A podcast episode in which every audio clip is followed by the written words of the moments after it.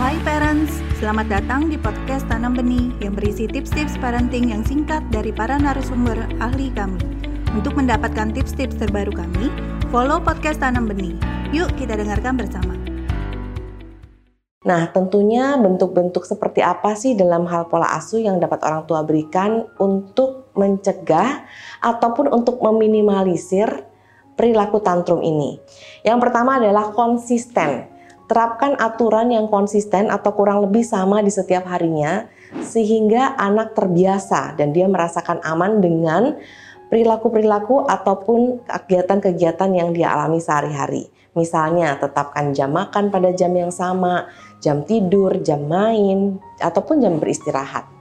Nah, yang kedua, tetapkan rencana atau terplanning. Jadi beritahukan apa yang ingin Anda lakukan hari ini, apa yang anak juga akan lakukan hari ini. Misalnya, nanti jam 5 sore kita janjian ya ketemu sama teman kamu di kebun, misalnya seperti itu. Atau kita bisa katakan bahwa jam 7 malam nanti ada undangan makan malam loh oleh Tante Mirna, misalnya seperti itu. Nah, dengan cara seperti ini, anak tahu bahwa memang dia akan menghadapi hal itu di hari tersebut. Berikutnya adalah membuat konsekuensi.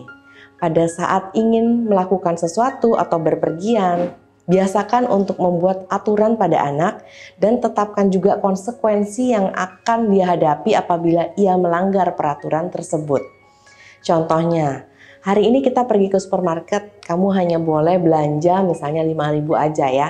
Nah, sedangkan kalau anak kemudian akhirnya melihat barang-barang lain yang kemudian dia ingin membelanjakan dan di atas 5000, kemudian dia menginginkannya dengan apalagi dengan marah-marah dan sebagainya, kita harus tetapkan aturan. Misalnya, oke, okay, berarti di hari selanjutnya ibu tidak mengajak kamu lagi, misalnya seperti itu. Dan benar-benar dilakukan bahwa di hari selanjutnya dia tidak diajak lagi. Tapi jangan lupa dijelaskan juga kenapa dia tidak diajak. Misalnya, kan kemarin kita sudah menetapkan peraturan kamu nggak diajak karena kamu teriak-teriak di supermarket. Nah, jadi hari ini kamu main dulu di rumah ya.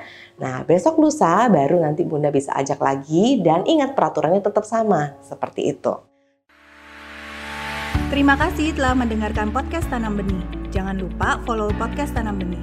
Tidak pernah ada kata terlambat loh untuk belajar.